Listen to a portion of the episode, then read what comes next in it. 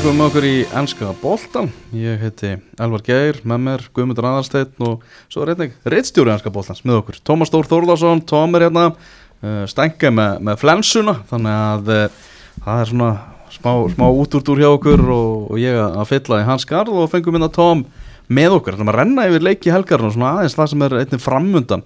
Og þetta var hressandi helgi í ennska boltanum eins og það eru svo, svo margar, Tómas Já, algjörlega, þetta er hérna, maður hafði svona einhverja smá áhugjur, ef maður má segja það uppátt eftir, eftir miðugutaskvöldið að Manchester City væri mögulega að fara að stinga af, en svo horfið maður svona, það sem maður, maður er nú auðvitað, eða kannski svolítið svona business orienteraður, það sem að þetta er nú hérna, e, maður þarf náttúrulega að hafa spennu á vikstöðum og þarf að hafa stóru liðin í, í góðu formi, þannig að eftir miðugudaginn þegar maður hafði svona einhverja smá ágjur og þá leit maður tilbaka á sunnudaginn með Liverpool í stuði, United í stuði Arsenal með dramatíska sigur Nottingham Forest tegur stigi af City þannig að hérna, toppáratan svona jafnaðist einhvern veginn aftur og, kannski settur smá steini í, götu Manchester City sem maður tala nú um, um steini í götu þeirra bara með einskjæri virðingu því að þeir hafa nú verið að hlaupi burtu með þessu mót svona svolítið undanfærin ár þannig að þetta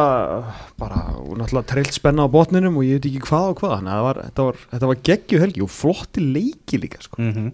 Við byrjum bara á leikjunum sem voru í gær sunnundagsleikinir og byrjum á, á Old Trafford þar sem að Manchester United vann 3-0 sigur á móti Leicester gummið, það er bara einhvern veginn allt sem að Erik Den Haag snerti núna, það verður að gulli og segja sitt að Jadon Sancho til dæmi skorar í, í þessum leik. Já, hann kom virkilega feskur inn í, í þennan leik, bara eins og síðustu leiki. Og eins og segjum Erik Den Haag ég held að hann sé virkilega vinsast maður í, í Manchester þessa stundina. Maður fer alltaf Twitter og opnar Twitter og þá sér maður bara maður stundum stundum með að segja að hann sé að bestar mjög komið fyrir félagi síðan Sör Alex Ferguson hætti Já, ok, svo að Gary Neville var að tala um það að að hann var eiginlega að ná miklu meira út úr þessu, þessu liði heldur hann hefði nokkuð tíma getað ímynda sér, það er einhvern veginn hann er búin að kveikja á öllum og svo eftir þennan leik, hann fór hann hérna og var eitthvað að pepp upp stuðningsmennina og kallaði eitthvað upp í stúku og svo fór hann hérna inn í, inn í klefa og spurður á því hvað hann hefur að segja við hann og hann sagði að hann hefði sagt bara, heyrðu, þið mætið allir á 50 daginn á móti Barcelona mm -hmm. og við erum að fara að vinna á saman. Það var svona heimis hallgrímsfílingur hefur hann, það var svona að fá fólki með. Já. Nei, þetta er það einhvern veginn, það er, sko samt sem áður, náttúrulega við segir að verða alltaf gulli og það er alveg rétt, það er margt gott í gangi. Minna Dayton Sandsjó með tvö mörki, tveimur heimalegjum eftir rosalega erfiða tíma þar sem maður helt frekar að hann myndi enda í, þú veist, Everton eða Wolves eða eitthvað frekar hann að koma aftur í United. Þetta veist, leit mjög illu út en ten hag svona, ég greinlega nýmóðins í þessu öllu saman að hérna, sendir hann hann í burtu og leifur hann bara hans að vinna í sínum málum og kemur ferskur og, og frískur inn. Uh, náttúrulega Markus Rashford gjörsamlega óstöðvandi núna með bara besti framherrin eða heitasti skulum við segja, framherri í Evrópu síðan eftir HM fríði, búin að vera alveg rosalegur, það er erfitt að, að það er erfitt að tapa leikjum þegar þú ert með framherjar sem skorar bókstaflega minnstakosti eitt markileik, ah. þú veist, þú ert nánast með 1-0 fórskot, en það er alveg rétt og ég skil alveg pælingunni hjá Gary Neville og, og fleiri sem hafa pælt í þessu hvað hann er að fá út úr þessu liði því að, þú veist til að vitna í stórfin okkar Gary Martin, þú veist, at the end of the day mm. þá var Fred, er alveg Fred búin að vera leikil með núna, veist, hann er búin að hafa þá sem, sem sagt, svona backseat driver á eftir Casemiro á þessu tímbili en núna í þessum síðustu leikin þar sem hann hefur þurft að stígu upp hefur hann verið almennt frekar slagur og verið svona, svona gamli Fred þú veist, þú ert með lánskalli Marcel Sabitzer sem einhvern veginn kemur inn í þetta og gerir bara vel.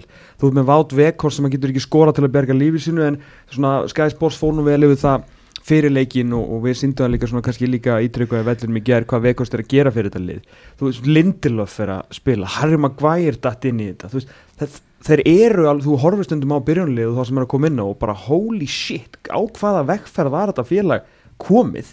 En samt sem aður er þetta hæg bara hann svona gæla við topparáttu Já, og vika núna, þú veist, það er setnileikunum mútið Barcelona mm -hmm. og svo náttúrulega úslítaleiku Delta-byggar sem það getur bara verið að fara að taka dollu á sunnudagin. Já, einmitt, og er í, í, í, í möguleika, möguleika á fjórum, skilu, við segjum það bara fyrir United menna, hérna, lefum að dreyma. Þetta er, þetta er, þetta er, þetta er magnað, sko. Og svo einhvern veginn, já, talandum allt verður á gullið því að Lester áttu verður að koma eitt eða tvönulefir, þá var sko hataðasti maðurinn í í rauðalhund á mannsettir David Gea veist, það feð bara ekkit, ekkit framhjá hann hann er alltaf svo upp og niður stundum alltaf alveg ræðileg en svo á hann dag eins og þennan Já.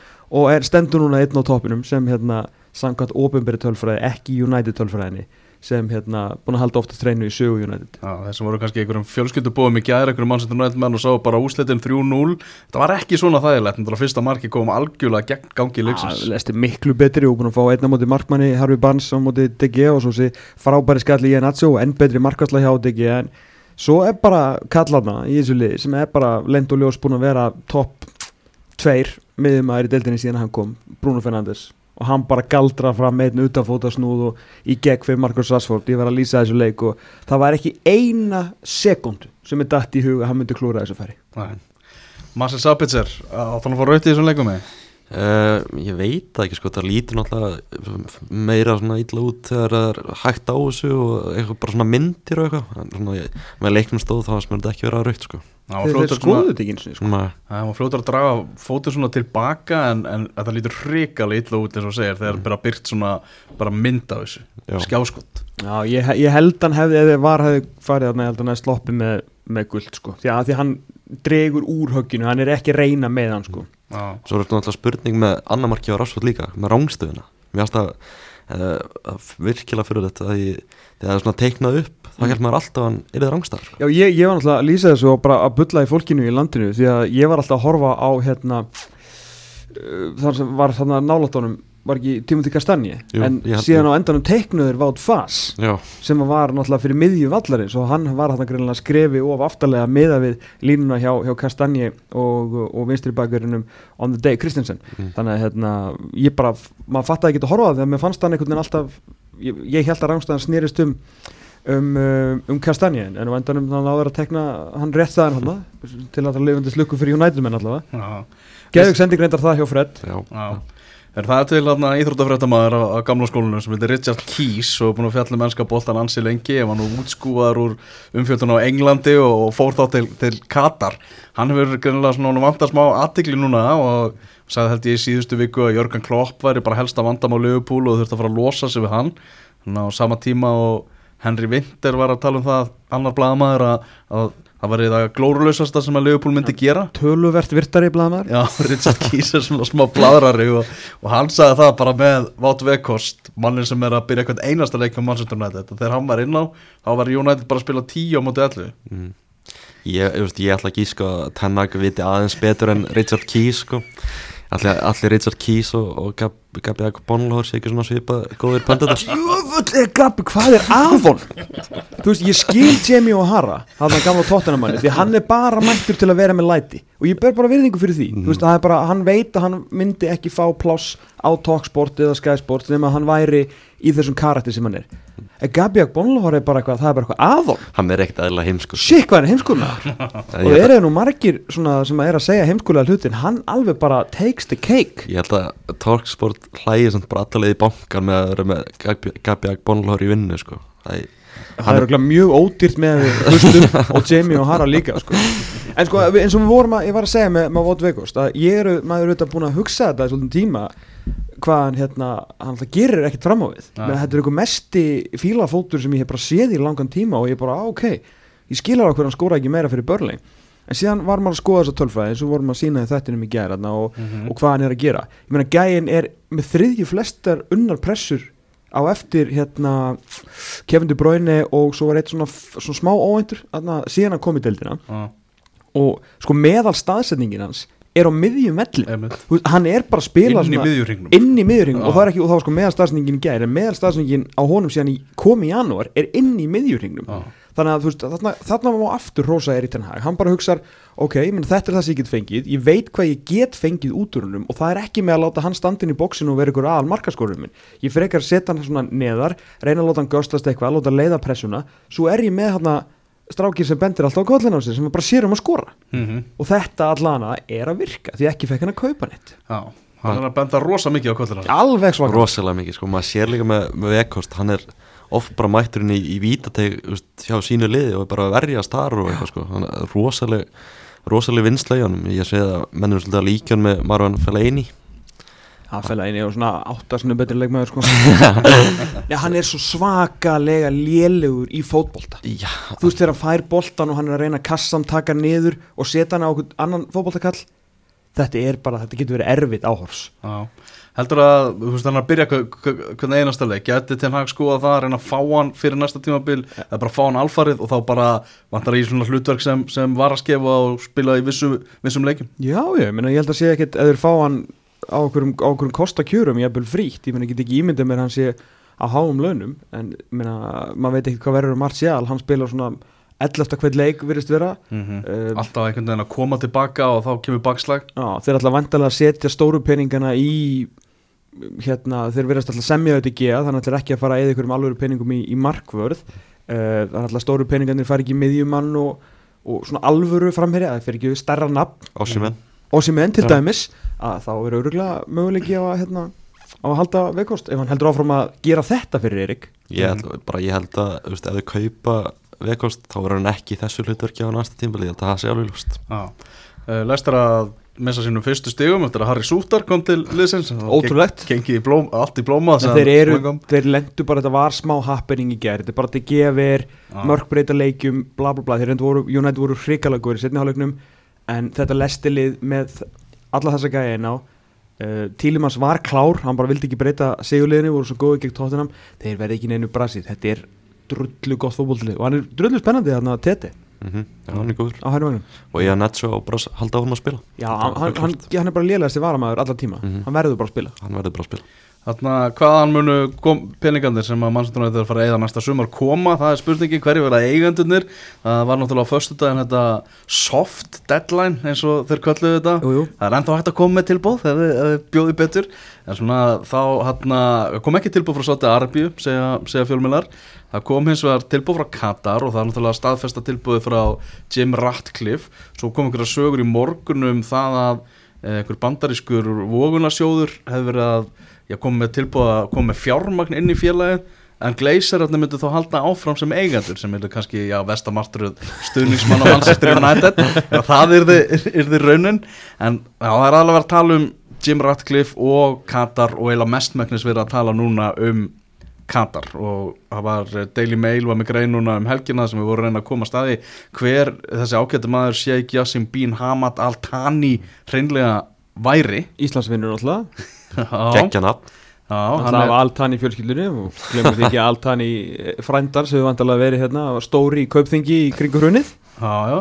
pappans var uh, fórsetistráð þeirra Katar. Já. Uh, hann sjálfur fættist 1982 þessi, þessi maður sem er hann í fórsvari fyrir þetta. Og uh, heitir eitthvað hann 92 Foundation eða eitthvað álíka sko, uh, fyrirtæki sem að stopnaði í kringum þetta. Hann er bólur Já, hann er búin að vera mannsættunættustunum sem að síðan 1992 mm. uh, og fylgdi 92 kynnslóðinni segir sagan en þeir vildu fá, vi, fá að vita það hann að Daily Mail hvernig stóða því að hann tíu ára gammal byrjaði að halda með Manchester United Mm. þegar, þegar liðið hafði ekki unnið englandsmeistartitilin í 25 ár mm. hvort hann væri kannski það klókur sem tíu ára að sjá það hvað væri að fara að gera stundir stjórn Ferguson, hann væri að fara að byggja upp hana, þetta, þetta svakalega veldi Já.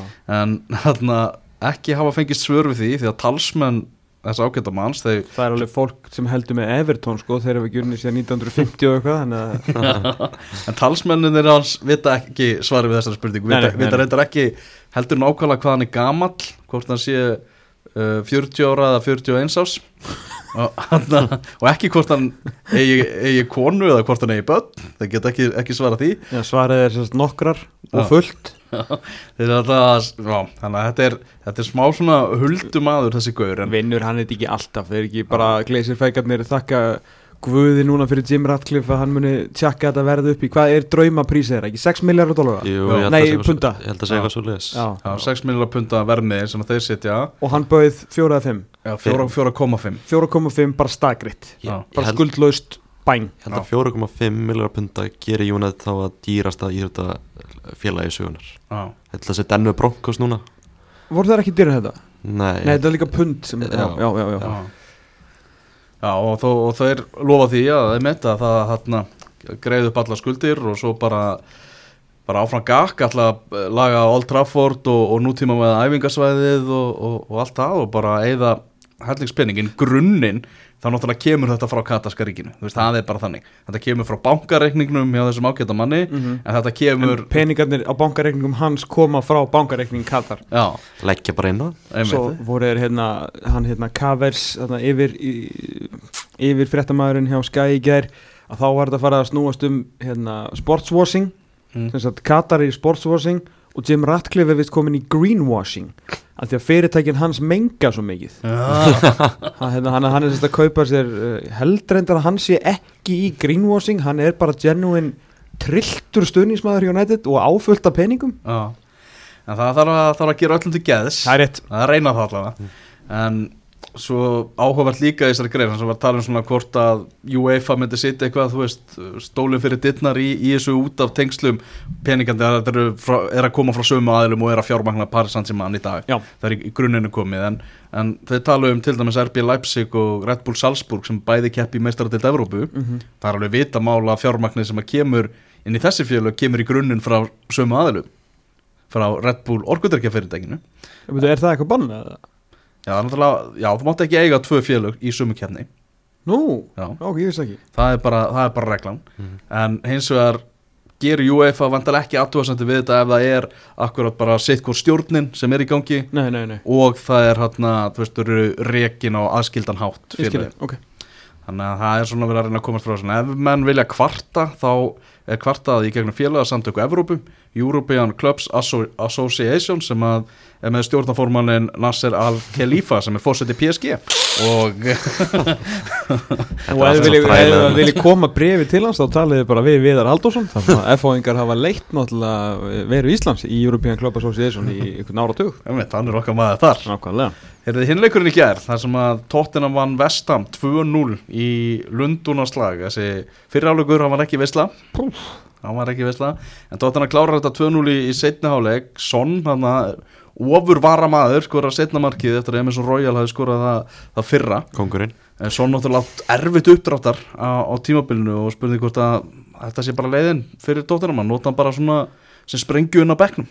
Sko, auð, auðveldast var ég á það sem að fjögur mörg af fimm sem er búin að skora á tímbilinu hafa komið sem varamæður þar af þrennan hann á sínum tíma, var ekki glestir á heimaðalli kom inn, Eh, kom inn á í háleik og skorað þrennu í setni Já, en Reitz Allison var svo lélugur í gær að það halva væri hellingur. Þannig að ég veit ekki alveg hvort hann trist árum en kannski það nú Reitz Allison líka bara smá svona run of games í, í liðinu til þess að fara að tengja aðeins. Sko, Kulusevski er alltaf bara fastur út af hæri hann er búin að egna sér þá stuðu, verður ekki veist, hún verður ekki treyft við það. Hann er ekki, eh, það, er, það er gæðins leiðir unnarpressur í dildinni frá því að Vakos kom já, Já. þetta er en Kulusevski. Já. uh, Harry Kane auglustlega ósnertanlegur þannig að þetta er svona það er greinlega son hans skelvilega framist á tímabilinu eða svona mislukkað stundum bara erfitt að horfa á hann. Er bara að fá boltan í tætnar og hnén og missa hann frá sér og þetta er gæja með 23 mörg og 9 stóðsendingar á síðustu leitið hann er með 5 mörg og okkur að 2 stóðsendingar núna og þar af þrennu í þessum leik gegn Lester hann er búin að vera mjög svona langt frá langt frá sínu besta.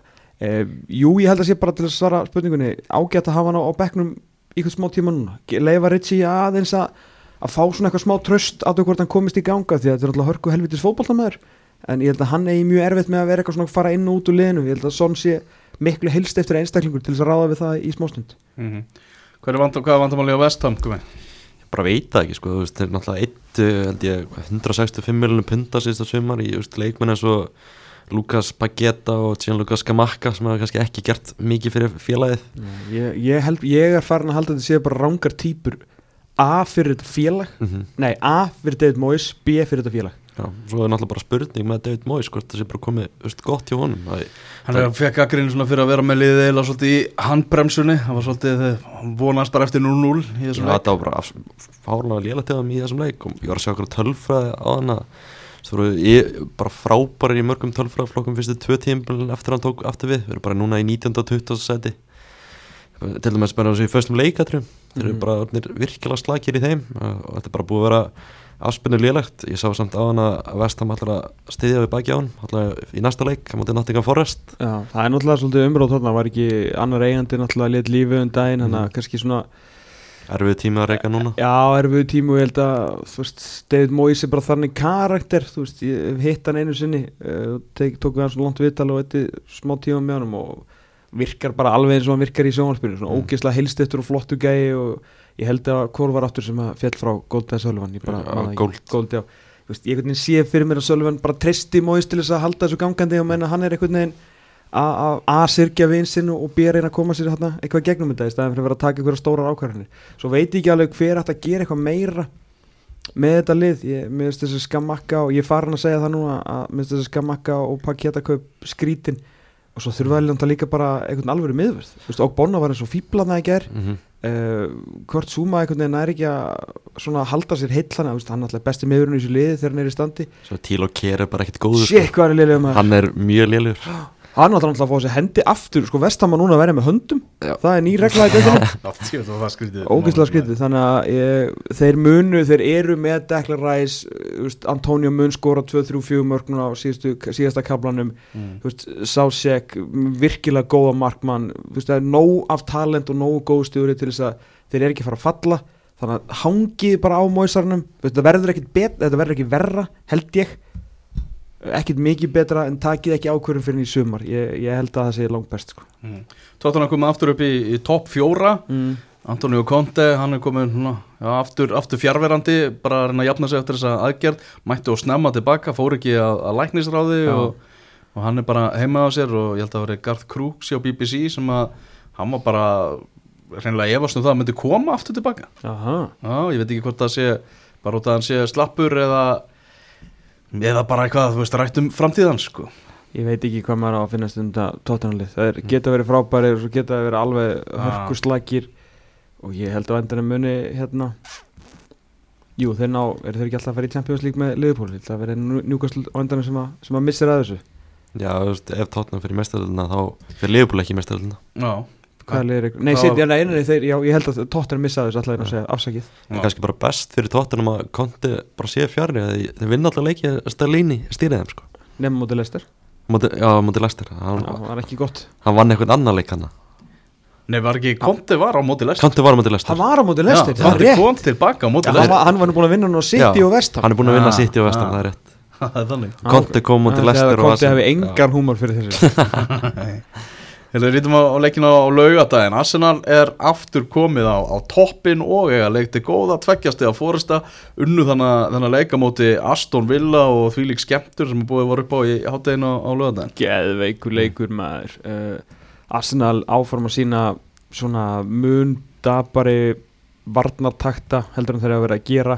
Náttúrulega búin að vera frábærir í vörn fyrstu leikadröðu, markværsla, allt tímumbilið bara hver ekki bara að fá þessi næst fæst eða þriði fæst mörkin hann á eftir Newcastle og, og City eða eitthvað og bara hrikalega góður en svona hefur aðeins verið að slakna það í undanfærið og Saliba sérstaklega verið svolítið ólíkur sjálfum sér um, og aftur Ben White líka síðan í hinum markina mörkin sem fá á sér og léleg þau eru bara mjög léleg þú ert, hérna, Arsenal maður en andin og hjartað dugnaðurinn, hugrekkið þórið og bara þú veist, djörfung og dug segir Cindy í þessum setniháleik var til svo mikillar sko, djöfusins fyrirmyndar að það hefur, maður hefur valla annars í og þó að þetta hefur verið grísa markaðna Já. sest, það sem ég ætla að kalla segumarkið það áttu að vera svo miklu meira heldur en skilið.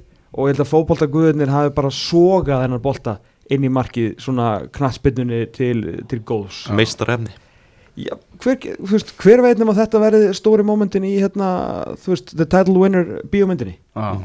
Það var náttúrulega skráð sjálfsmark á Emi Martínez. Auðljóslega fyrrum markverði Arsenal sem var nú búin að vera eitthvað að, pyrra sína, sína gömlu félaga hann í þessu leik. Hann mm Mhm. duglegur að pyrra menn. Já, og hann var líka sko leti ekki stuðnismennina í friði fyrir aftan. Já. hann var búin að vera eins og bara eins og bafi hann í allan leikin ég, þú veist, ég var að lesa svo rámt í þessa típu Emi Martínez, ég held að þetta væri eitthvað veginn svo bara eitthvað veginn svona rólegur gæi sko, svo kemur í ljós bara í kringum HM og núna að þessi gauður er bara, wow hvað, hvað, hvað er þetta, hvernig er þetta að lýsa þér? Þetta er algjör bastardur sko. Óþólandi fyrir anstæðingana sko. Gilvi Einars kom með hot take í gær hann heldur að, að Una Emery muni losa því að Una Emery var trilltur þegar hann fór fram í hotspillun, hann fekk ekki leifi sko. en Já, hann, hann hann hugsaði bara ég er heimsmeistari, ég gerir það sem ég vil. En Una Emery er ekki alveg þar sko. þannig að það getur vel verið að Emi Martínez fari bara á markaðin í, í sumar sko, því að það er kerkið hann á millina mm, Gæti verið. Heiður hann á markinu án og Jorginho sem að bara var frábær í, í, í, í þessum leik. Svikalegur hrikalega góður. Og bara þeir voru tölfræðin í setni hálfleik sko, þeir voru með einhverjar 20 martilunir 3, eitthvað í XG í setni hálfleik. Já. Eh, sko, ég veit ekki hvað margar miklu fleiri hefnaðar sendingar og, og hérna, tæmlega 70% með boltan Ólusandi Sinchenko ákveða að skora sitt fyrsta fótboltamark í, í Premier League Mhm. í þessum leik, geðveit mark en varnarleikurinn Aston Villa kannski í takt við það sem að þeir hafa verið að gera í allt og langan tíma.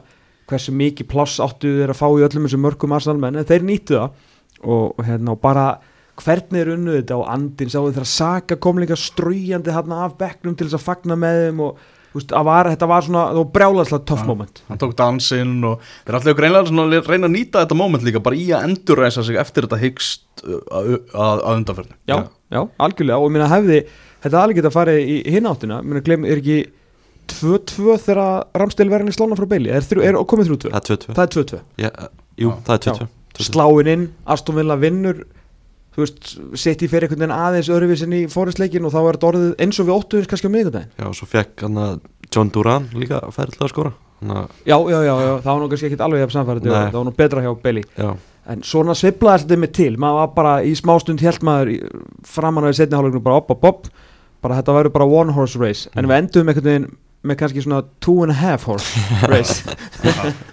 Næstu leikur á Arsenal þeir að fara að heimsækja Leicester. Þeir að fara á, á King Power völlin. það ætti það ætti að vera leikur það verður leikur sko. Ma- þú veist, maður hjælt að þessi leikur væri algjört banhið sko sem hann var eiginlega í rauninni. Að þeir vo- voru í miklum vandræðum. Þessi leikur um að til lesta verður ekkert eitthvað síður mikið banhið sko. Nei, málið er að Lester er bara svo slakir að verjast þannig að Mm. þetta geti verið annar svona 3-2, 4-2 eitthvað. Já, það, þetta verður auðvitað markaleikur Já, er skemmtilegt. Mhm. Er þetta nokkuð hátegisleikur? eða? Nei, þetta er þrjúleikur syndist mér. Já, þetta er aðleikur um kljóðan 3, það er ekki hátegisleikur næst helgi. Já, það er, er nefnilega þannig. Það er síðkvölds. Það er síðkvöldsleikur í staðinn Þannig að maður leifuplega var að gefa þannig kvölda á móti hverjum andir Pallas úti. Palas úti Herðu en, uh, já Arsenal menn fögnuðu síðan enn frekar setna um daginn þegar að Steve Cooper fengu hjálp úr óvæntri átt því að Nottingham Forest gerði Næst óvæntustu áttuðinni Já, á eftir Bormoth nákvæmlega Nottingham Forest tók á móti Manchester City og City Ground og, og ég var nú að lýsa þessum leik og þeir eru náttúrulega bara pökkuð í vörn, það var bara tjaldútilega hjá, hjá Nottingham Forest það var Já, bara, já. þú veist, það var bara upplegið og það voru allir að, dansa með þú veist, það er fullt af leikmennir sem voru að spila þarna inn á sem að hafa ekkit gaman að því að spila varnarleik og vilja fara aðeins framar í, í Forestliðinu en þeir Vandaði líka tvo bestu miðverðina í Forest. Leit og leitóðan í vörðina heldur betur Já. kom bara frétti rétt bara fyrir helgi um það að þeir og þannig að það þarf að skipta um miðvarðapar og það bara í staðin að bara spilu allir miðvörði í staðin í, í, jú. í, þessu leik. Average position í þessu leik er það finnast að sem ég hef séð? Já, ég, ég sá einmitt mynd af því Það voru 21 af 22 leikmönnum með average position inn á uh, hérna vattarhelmingi í Nottingham Forest. Það er bara. Ederson sem Vá, var maður. Við erum að tala um sko average position Þetta var í alvörunni eins og í breið og í gamla dag bara spilaði eitt mark. Já, svo var Brennan Johnson og það fremstur á Nottingham Forest og hann var svona í Sveindisar Jane hlutverkinu það var bara langu bolti fram og svo ætti hann bara að hlaupa og reyna, reyna að gera eitthvað sko. maður. En sko það er, það er eitt bara að- að ringja í, í Guma Tyrfings og Teiti Jónasar á alla og, og, hérna, og byggja um að koma og leggja rúndunni Þú þarf síðan að gera þetta almennilega og þeir eins og þú segir horrið, elvar, dönsu í takt því að þetta var frábælega útfarið varnarleikur. Þeir vissulega voru með tíu mannsinn í teig mm. ég meina hversu oft við séð lið með tíu mannsinn í teig á móti City og þeir skora samt þrjú? Ah, það var bara ekki gerast. Hjálpaði þetta til að vera með Keilur Navas líka í markinu. Hann er svolítið góður í markinu. Hann er svolítið góður í marki, Já. hjálpaði til líka að Ellingborg talað ákveða að setja hann yfir stúkuna þegar hann var með þarna markið eða upp fyrir fram að segja en aftur var Navas búin að verja þar á undan. Mm algjört bara svona happening leikur að þeir skoruðu bara eitt mark og það var náttúrulega sko þrjusutundra ah, frá Bernardo Silva sem Já. að markið var, það var ekki eins og það hefði verið eitthvað tappin mm. Eh, og, og líka það sem fellur með þeim líka kemur til Bráinu, hann var svo ólíkur sjálfum sér ég hef aldrei síðan svona. Hann átti eitthvað svona 7-8 skoti eða eitthvað bara og fekk flotta skotsensa mm. en hitti boltan bara herfilega í hvert einasta skipti.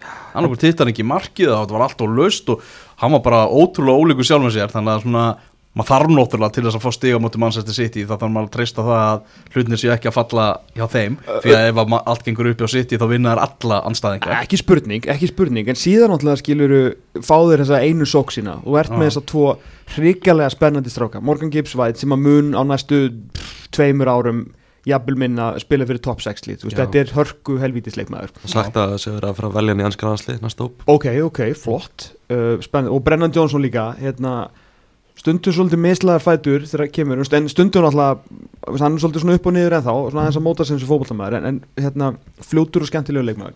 Þeir fara hann á rás fram hæri vangin og hvað gerist þar í aðdrandamarsins það er náttúrulega, hann er búin að róta svo mikið með varnarleikin, það er aldrei sama varnarleikin, hann var aftur að gera breytingar.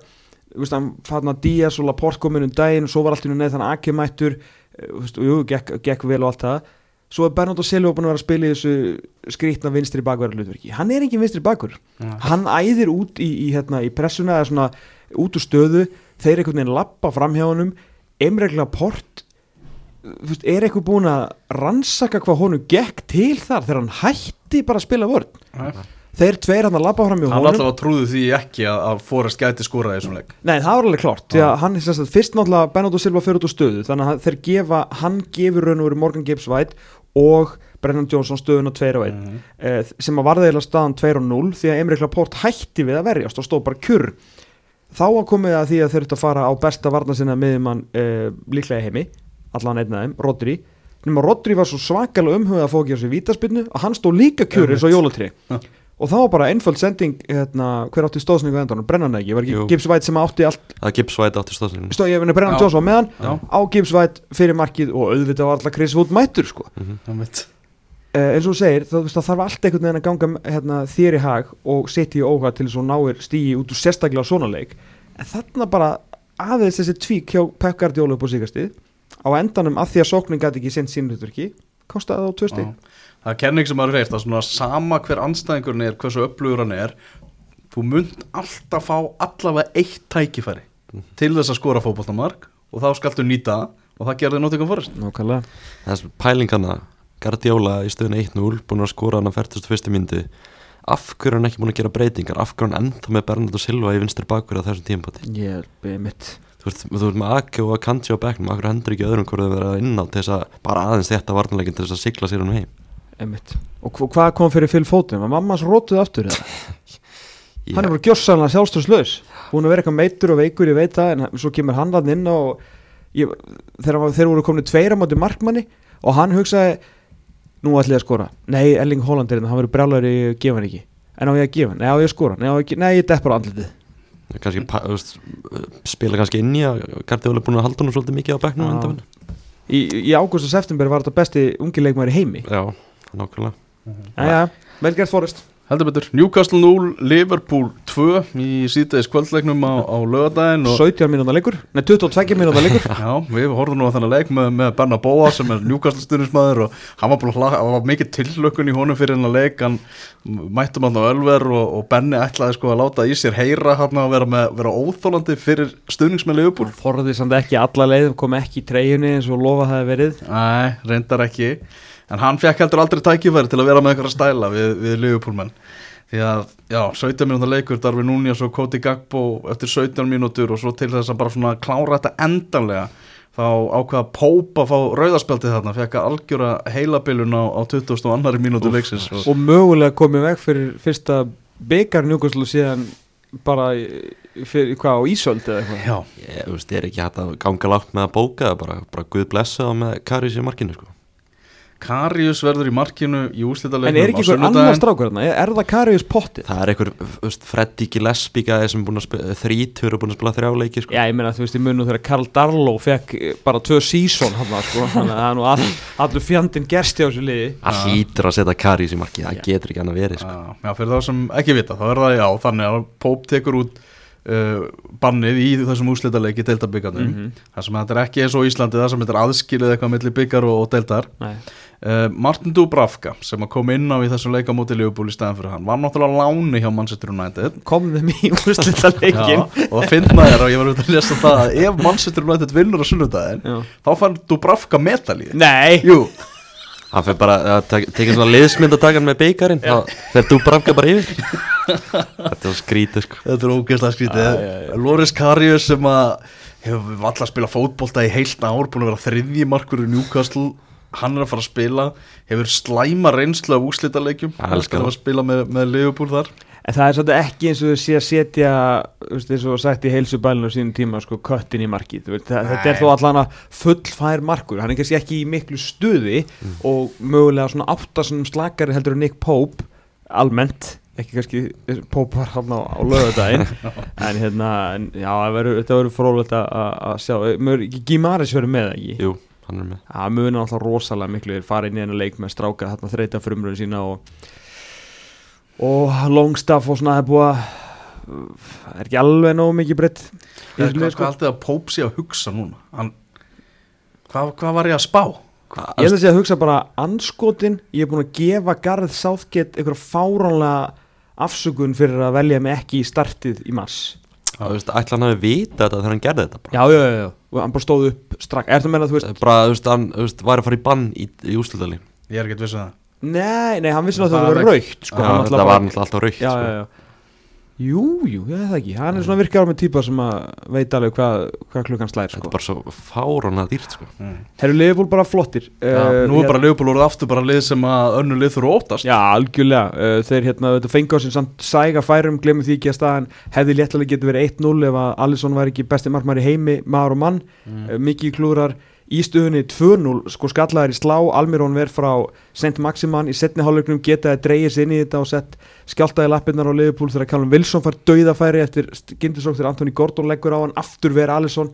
Þannig að hérna, ekki fyrsta skipti á leiktíðinu sem að Alisson er að, að tryggja stig sem að í kannski leik sem að var aðeins erfiðar en þeir heldu þó er höfðuleg full að stjórna á þessu en Newcastle fekk, fekk færin. Og bara ef þú ert Liverpool maður að sjá Jota, Bobby eh, Darvin Núnes Sala hérna, alla inn á skil og Cody Gagbo þú veist það eru 5 á 6, það vantar bara einn núna að þessari framlínu Nákvæmlega, og Dækarinn mættur Van Dijk aftur. komin aftur Já. með Gómez Mhm. og vantar kannski bara Konati líka og þá fara þeirra hérna, Andy Robertson, minn maður, komin í stuðið aftur. Þannig að Liverpool fyrir Champions League. Ég er búin að lofa vinkunum minni í afgjörslinni til að björða hann er unni að Liverpool fyrir Champions League og ég stendi það. Já, og það verður þá á, á kostna tóttina það og Newcastle já, Menna, veist, Þetta var bara leikurinn sem við þurfti að vinna Já. bara í, í þessari baróti til þess að eiga möguleika algjörlega og náttúrulega hérna, nei Tottenham, náttúrulega Tottenham vann en hérna, Tottenham tapur síðust ekki já En það er önnulega líka fyrir Leopold Það er bara hreinlega að vinna meistaradeildina og þeir eiga Real Madrid í fyrirleiknum í 16. úrslitum á, á morgun ég sá að hérna, Tjá Meni fyrir ekki til Liverpool hann bara ætlar ekki til Liverpool Já, hann fer ekki aldrei nokkuð tíman Já, Það er eitthvað veikindi Þarna Tony Kroos og Chouameni ekki í hópnum. Er ekki, er ekki Liverpool að fara að vinna þetta Real Madrid Það kemur ekki Er óvart. Ekki Real búið að vera einhverju brasi spáni? Ég veit ekki um það líka sko. áttastum eftir Barcelona. Og með að Barcelona Master United var þegar maður var að horfa á þann leik þá maður bara að hugsa er spænska deildin virkilega svona lélega sko? Já, hún er bara búin í Og En það- hérna, sko, Korki tjá minni nýja krús er að mæta á anféldi þrjóðan sko.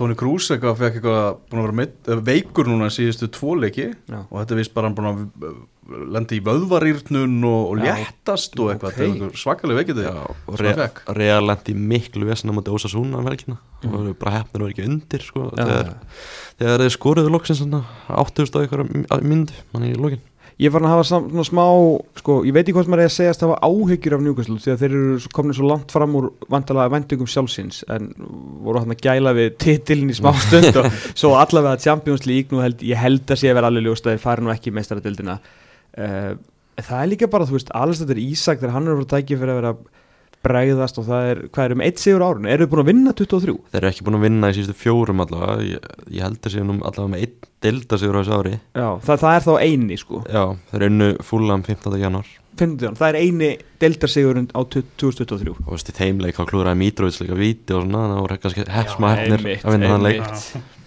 Já, þeir eru, hérna, það er smá, smá látið þarna Já. Heyrðu, talandum látiðu, uh, Chelsea 0, Southampton 1 á, á, á Stamford Bridge.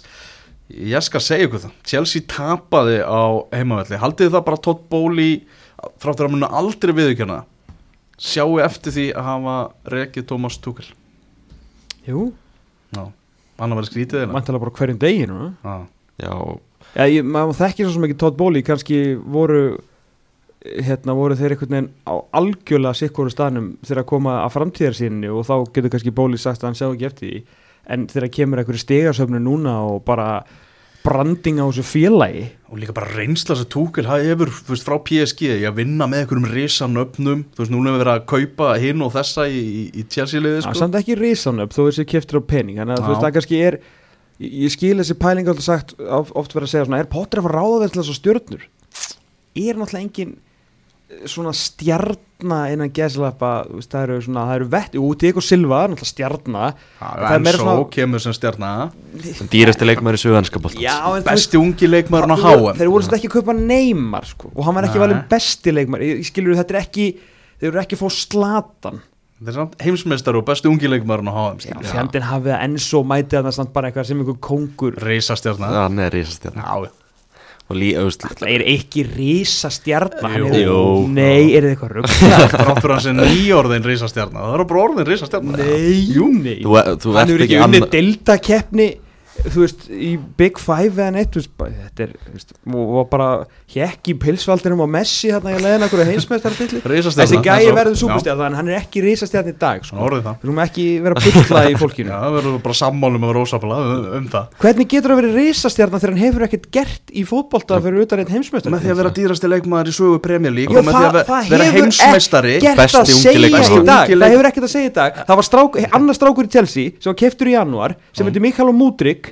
sem var að skora á móti Vetsla Rotsla og einhverjum liðum í Champions League og hann keftur á 80 miljónir er hann risastjarna? nei, hann er ekki Nei, það besti, besti ungi það er leikmann svo 20 miljónir hann sem að skilja á milli. Já, út af því að enn svo sé risastjarna. Æ, strákar, þið eru betri en þetta sko. Múdrik var ekki eins og með á, á HM sko. Nei, það var þetta kannski ekki honum að kenna.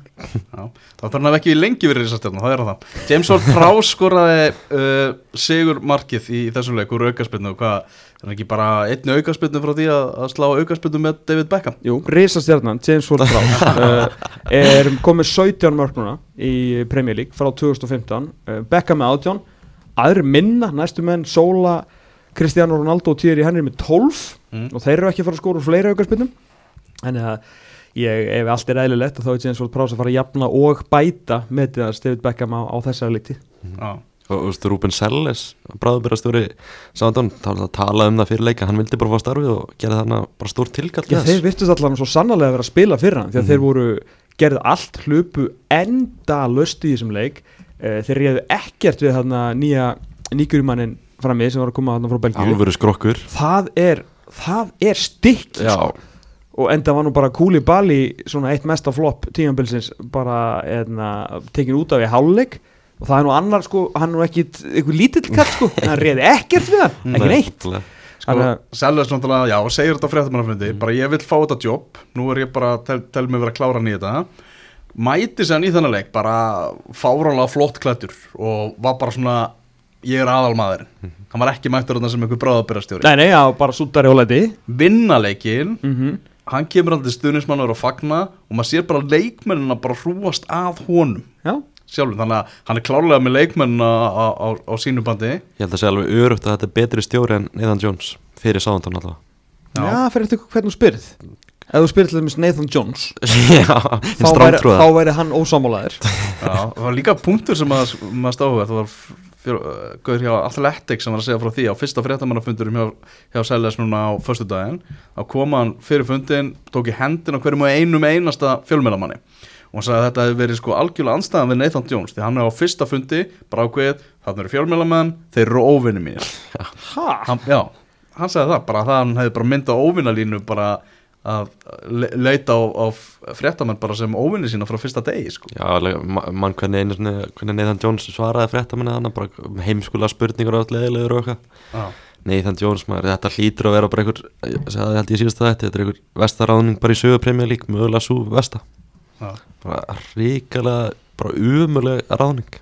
Já, en Soundhumenn voru, voru góðir og þeir voruðs mikið en þeir, það hjálpaði náttúrulega til að þetta Chelsea-lið uh, getur ekkert þessa dagana. Og meiri sér að þeir eru að spila ágætlega eins og í setni hálfleikum að fá færin að þá bara ganga hlutinir ekki upp einu sinni, alltaf ótrúlega björgun hjá Roman Perrault frá Raheem Störling uh, annar hann sem hendi sér fyrir annar skotana þeir, þeir unnu svo sannlega fyrir því að halda hreinu í þessum leik. Íslandsvinnurinn auðvitað, uh, Gavin Barzuno með fína leik, Chelsea fekk alveg hefði léttlega getið unnið en leik 2-1 þáttur að spila svona illa en það er bara þegar að það rignir og þá hellir rignir og þeir bara eru afskaplega slækir það er eitt, ég var með í þættinum ekki að svona nokkra staðrindir um, um tíðumbilið hjá Chelsea sem að líta ekki vel út og ég, ég byrjaði að setja sko nýju á blað þá til að, Frikki producent sagði "Heyrðu, það nennir ekki að lesa svona langt skilti veldu hérna eitthvað fjóra. En ég ætla að langa svona að því að svo Graham Potter kom í byrjun september. Þú veist, hann er búinn að vera nánast allt tímabilið. Ég meina hvað fekk, ég held að tökulega fengi sjöleiki þar af fimm í deildið eitthvað Potter er núna búin að vera í fimm mánuði sko. fimm mánu, Já. hann er, þetta er basically tímabilið og hann er Mm. búinn að fá hann að glugga svona er staðan Mhm. Chelsea er með 12 stigum minna en á saman tími fyrra og búinn að skora 22 mörgum færri uh, þeir hafa ekki unnið neittleik uh, hingað til gegn topp 10 í deildinni 5-5 í aftöflu og tap þeir eru búin að skora 23 mörg það eru bara sjö liði í deildinni sem á að skora færri og Erling Brut Holland er búin að skora fleiri en þau er einn þeir hafa ekki skora minna í 27 ár sinna Glenn Hoddle með á 95-96 þeir eru með 11,6 skot að meðaltali í leik sem er það minnsta sína opta hóf mælingar 1997 maður efsti markaskorun þetta Kai Havertz með 5 mörg þeir hafa fengið á sig 22 mörg sem er enda gott þeim byrju hvað var hérna síðan? 79 breytingar á byrjunleginu, nei 85 með þessum 6 sem hann gerði núna. 85 breytingar á byrjunleginu það er því þá 24 meira heldur en næsta lið og það sem að er sláandi ef þeir eru að hlaupa 105,1 km leik sem er það næst minnsta í premjölík Já. og það sást í þessum leik að vinslan á þessu fótbolltali er engin. Hún er engin og þetta eru 11 einstaklingar sem veit ekkert hvað er að gera og það er það sem ég mestar ágjum með Graham Potter. Er hann að, bara, ég trú ekki þessi taktíkinas af því að í nútíðum fótbolta vinnur ekkert um að hlaupa 110 pluss, það er bara þannig. Og sáum hvað Brightonlega hans var að gera sko. nákvæmlega. Eða er hann bara ekki nógu stór til að ráða við reisastjörnuna Enzo Fernandes og, og hinna reisastjörnunar í þessu Chelsea-lið, þú veist, eru bara ekki hlusta á hann? Mhm. hvað er málið? Sjá Felix er ekki búin að vinna leik sem hann fór í Chelsea drefuna Nei, og hann er það búin að vera fyrir nefndir svona hlaupatölunar þá er mjög sniðið að bæta við leikmenn eins og Sjóa Felix sem er bara algjör luxusleikmaður sko.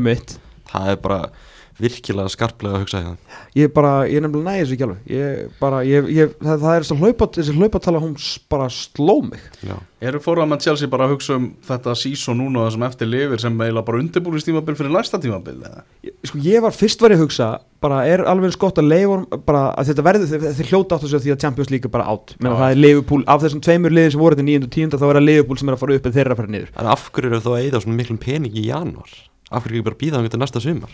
Þú veist, ég held að það skipti þá, þá engum máli. Já. en það sem ég er að pæla núna vilja er gefa Graham Potter bara restina til að sjá hvort þetta skáni?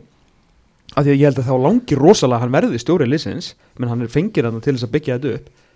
Eða er bara betra að cut your losses og finna eitthvað núna sem að getur þá fær þá eitthvað 25 leiki eða 30 eða hvað sem er, neða svona 25 leiki með, með Champions League vantilega eitthvað til þess að sjá hvað verður úr ég held þessi ógeðslega erfitt að ákveða þetta úr Tótt Bóli með að er búin að setja í þetta lið. Já. Og hver er laus, hver, hver er raunhæðu kostur, Potts? Luis Enrique. Var hann ekki, nei hann, nei, hann tók inn eitt kikjá Mm. Já, Lúis Ríka, það var þetta beila Mm, það er ja, ja, svona ég tók eftir að Chelsea mennur svolítið að nefna hann sko. Já, ég skil það vel, hann verður flottur. Mhm. Pochettino Pochettino eins og segir Thomas Tuchel, hann er enda laus. Ég meina, sorry seems to be the hardest word Það mjög leiki Við skoðum einhverja aðra leiki sem voru hérna á lögadaginn Það var Everton með 1-0 sigur á móti Leeds og mér heilast nú að Gilva Einars í, í þættinum í gær að þetta ekki verið fallið fótballtalegur, ekki verið mikil gæði þarna í, í þessu leik. Top 5 lélæsti fótballalegur sem hann hefur séð sem að toppaði sig með eh, einu top 5 skrítnasta marki sem hann hefur séð. Þegar Ílar með lér ákvað bara ég, Hvar var hann?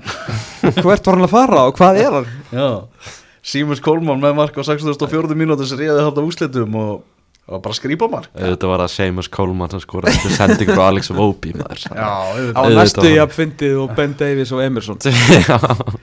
Nei, ég meina, þú veist, ég var ekkit eðlilega ánæður með Marcelo Bielsa á sín tíma. Að leifa bara Ílan Melier að þroskast hann í markinu og gera sín mistök. Kemur hann inn sem, hvað er hann ekki 19 ára þegar hann byrjar sem Premier League sísoni sitt? Er hann orðin kannski tvítur, þannig að eitthvað starf á mörkunum? Uh, hann tekur bara einhver framfram Nei. Hann er, hann er, hann er aldrei sem hann getur horta á okkur á fimm leiki í röð og verið bara Ílan Melier maður, þetta er bara næst í franski landslismartmaðurinn Mhm. hann, hann er átt fullt af leikjum, hann er alveg magnaður. Já, það er- eins og, þú veist, fullt af lélugum fótboltamarkmannum sko, sem að fá að spila stundum í þessari deild. Mhm. að því á endanum þarf að vera eitthvað x-góður til að fá stand í markinu í þessari deild. Hann fær reglulega á sig alveg svakalega klaufalega mörg Já, Mhm. Já, alveg þú- þetta er e- mögulega það versta því að þetta er bara svona fundamental markvarsla bara einhvern veginn menn hann bara stöðvar á honum heilastarsemin var að leita uppi þannig að hann spilaði undir 21 ásleik með frökkum á móti færi Já, þessi færi að skoruðu á hann og var að kíkja á það mark. Ég held að það sé það versta. Ok, ok. og le leitar að því. Ok. en hann að lýtsarar stjóra leitin á þeim gekk bara hreinlega ekki upp. Nei, þeir vildi ekki fá lefa Jesse Martz að byggja þetta upp. Þeir vildi sjá hvað hann myndi gera allir ekki byggja honum bara átjá mánuði það var bara út tímbilið eitthvað allan, allan eitthvað stutt? Það sáðandur minni Nei, það var sáðan Sáðan ekki Nei, já, já, já, já Þessi hérna, maður svona alltaf reikin frá lít sko. Já, Það er rétt Hver var þannig daginn, segi ég? Það var eitthvað mættur hann að Já, æfing Alfred Sráter frá Hollandi. Já, já, já, hann var bara mættur. Já, mættur á leik Fyrir um og Ajax maðurinn Svo kom það bara, í, ég held að vera fellað um það eftir þann leik Hann hafi bara verið á Englandi til þess að hitta Erik Ten Hag og aðstofamann hans, Steve McLaren. Já, það er bara klukkutími yfir til lít og Já. hann langaði bara að upplifa stemningunum Elland Róð Já, það er bara að kíkja hans á Ellen Road og Lít þarf bara eitthvað, hörðu, viltu ekki bara taka þetta? Nei, svo var einhver tveir aðrir Tveir þrjir aðrir á blaði sem er reynd að fá og gekk ekki og nú er Skúbala sem er vist algjör toppmaður fyrir um fútsal þjálfari Englands og veist hann bara þeir fá engan annan ég sko, ef að ég væri að því að nú eru kanar sem eiga bæði lýts, allan hluti lýts og eiga Chelsea. Þú veist, ef ég væri hérna San Francisco kanin myndi bara ringja í Todd Bowley bara, herðu, þetta er ekkert að ganga hjá þér. Rektu bara Potter, skilur, rektu hann bara. Ég skal bara taka hann. Já, hann, er, hann er frábær í lít sko. Já, geggjaður, Mhm. menn hann er bara fullkominn fyrir þá, þannig að það er svona eða draumur hérna nokkra lýtsara sem maður þekkir að, að þeir láta hann fara og þeir pekja bara strax upp. Já Ég held að það sé bara frábær hugmynd sko Ég held að hann er bara, myndi gera stórkastlega hluti með þetta lítslið Þetta lýtslið svolítið er svona much and do about nothing sko. þeir eru uh, eiga svona moment í leikjum þar sem þeir eru að tækla og djöblast uh, sína, þú veist voru komin hann einhver slagsmáli efutór með svona stundum smá svona fake news hvað þeir eru að búa til mikið læti en svo þeir eru þurfa ekki að gera eitthvað sérstaklega fram á við Heru, það er bara enginn sem getur búin eitt til Nei. það er búið að sapna þarna saman hverjum sko dugnaðar fórknum á, á fætur öðrum en síðan er enginn sem getur gert eitthvað. Mhm. það er engin, það er engin skapari það er engin, það er engin tíja það er engin alvöru markaskorur eftir að Patrick Bramford bara laði störfin á heiluna eftir, eftir hérna meðslum sín. Rútir er ekki komin af stað og, og þeir senda alltaf bara á, á veist, 17 ára bara hefur gerð eitthvað. Já, og veist, með Brendan Aronsson á bekknum og ég held að hann sé líklega óvinnstast leikmann bara hjá Leeds akkurat núna stuðnismennin bara gjössanlega hata. Brendan, Já, okkur bara getur ekki neitt hann bara auðmur og, búin að vera afskaplega lélur bara átti svona kapla í byrjun tímabils og síðan hefur, hefur hann ekki getað neitt. Ítla vegið að mínu menni samt ég, ég- held- ég að ég, ég talaði við eitthvað lítstuðnismann fyrir eitthvað fréttum daginn og ég held að hann hafi líkt honum við plastpoka í íslensku óveðri.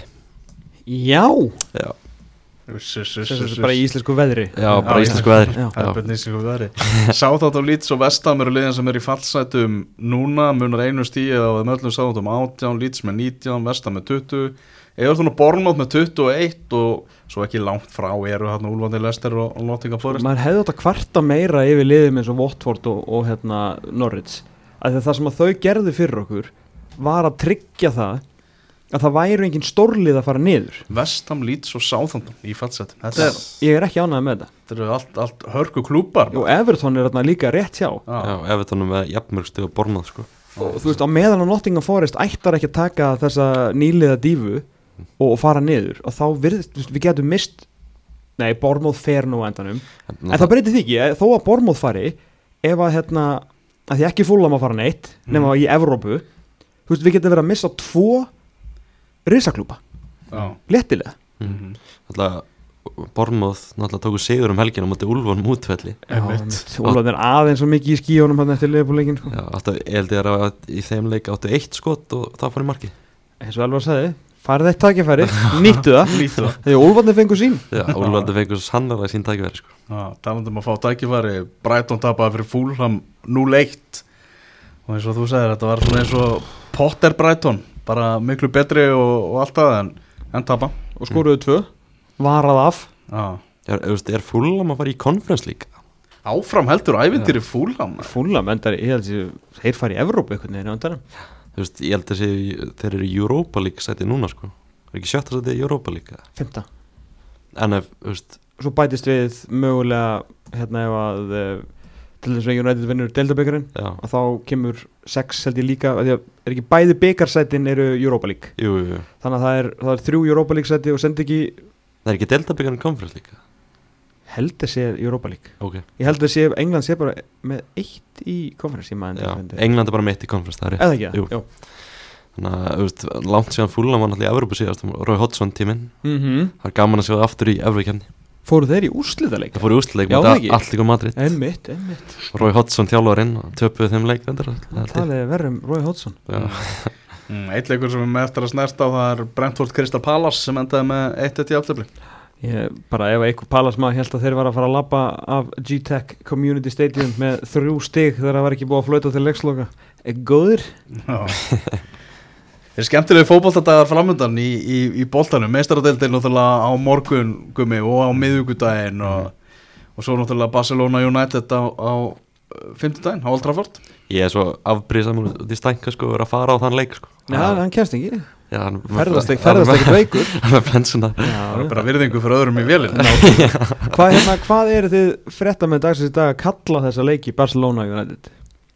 Já, þú veist, náttúrulega bara þetta síðasti leikur, bara, þetta var náttúrulega bara eins og að horfa á mestaröldu leik sko. Nei, ég er að menna sko, er þetta um, Umspil fyrir 16. úrslit. Já, já, þú meina það Já, Já. er það ekki þannig? Þetta er bara umspil, Já, ok umspil Það var eitthvað, þú veist Ég held að öllum hérna live score uppunum heitir þetta sko 32 leðuslitt En Já. það er líklega að þeir get ekki skrifað, þú veist, eitthvað playoffs before last 16 eða eitthvað. Það er bara 24 lið eftir í keppni sko. Emitt, þannig að það var mjög skrítið að kalla þetta 32 leðuslitt Kunn- Kunni ekki að breyta kerfinu eða Nei, þeir reiknu ekki með að hérna, Sefirinn var að fara að gera þetta svona flóki fyrir þá. Ah, en eins og segið Tom, það er aðeins öðruvísi dagskrá í, um næstu helgi í, í ennsku úrvalstildinni út, út af náttúrulega deildabyggarnum og Það er engin hátegisleikur á, á lögadaginn en það eru uh, nokkur leikir klúan þrjú. Stór, uh, mjög skemmtileg leikur eins og Gummi sagði án, Arsenal Lester mm. uh, sítegisleikurinn hvað er það, Bormóð eitthvað, það er ekki alveg Jú, Bournemouth City. Það er, er City, var þar, já, ok. Manchester City Næs, Já. og svo Crystal Palace liðból 1945 Ah. þannig að það er fótboltar landfram á kvöld og svo er bara eitt leikur á sundinum, hann er 13.30 Tottenham Chelsea. Chelsea það er ekki amalegu leikur það. En þú veist, ef Tottenham minnir þann leik er það hlýtur að vera búið fyrir Potter þá? Ma, ma- ég held að maður muni segja þetta eftir hvern einasta leik sem þið spila núna sko. hvernig er Dortmund setna leikurinn?